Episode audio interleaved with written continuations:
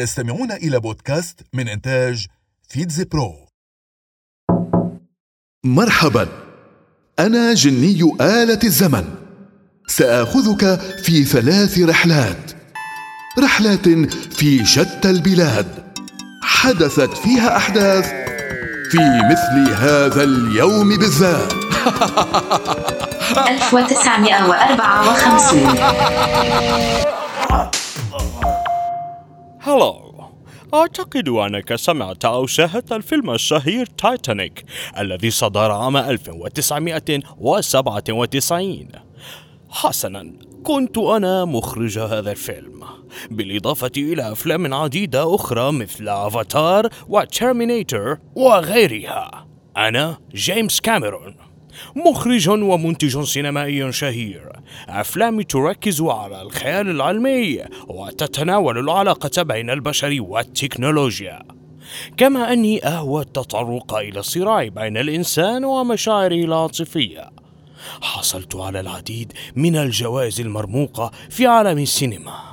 درست الفيزياء في الأصل لكن حبي للسينما جعلني أتخلى عنها.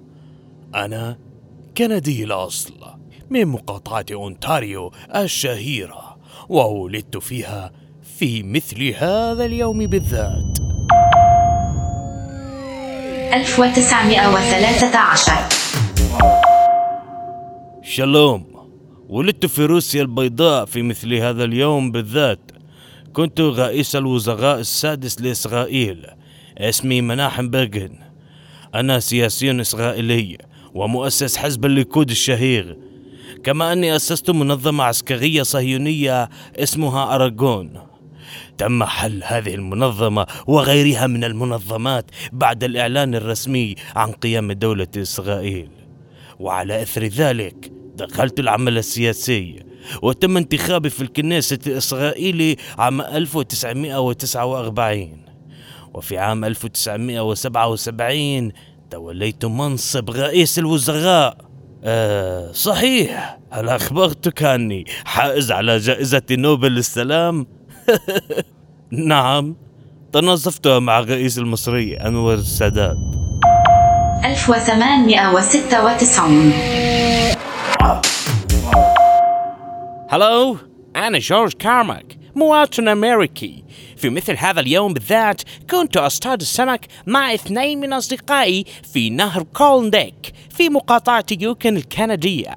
فإذا بي أكتشف وجود الذهب في هذه المنطقة تغيرت حياتي بعد هذا اليوم وأصبحت ثريا اكتشافي هذا أدى إلى تفجير حمى البحث عن الذهب في الغرب وتم اكتشاف طبقات سميكة من الذهب بين الصخور. وبعد نشر الصحف للأنباء قدم حوالي خمسين ألفا من الباحثين عن الذهب لينقب عنه في تلك المنطقة. هذه قصة ثرائي وحصولي على ملايين الدولارات. عدت بعد ذلك إلى فانكوفر في كندا وتوفيت فيها عام 1922 العودة إلى الواقع.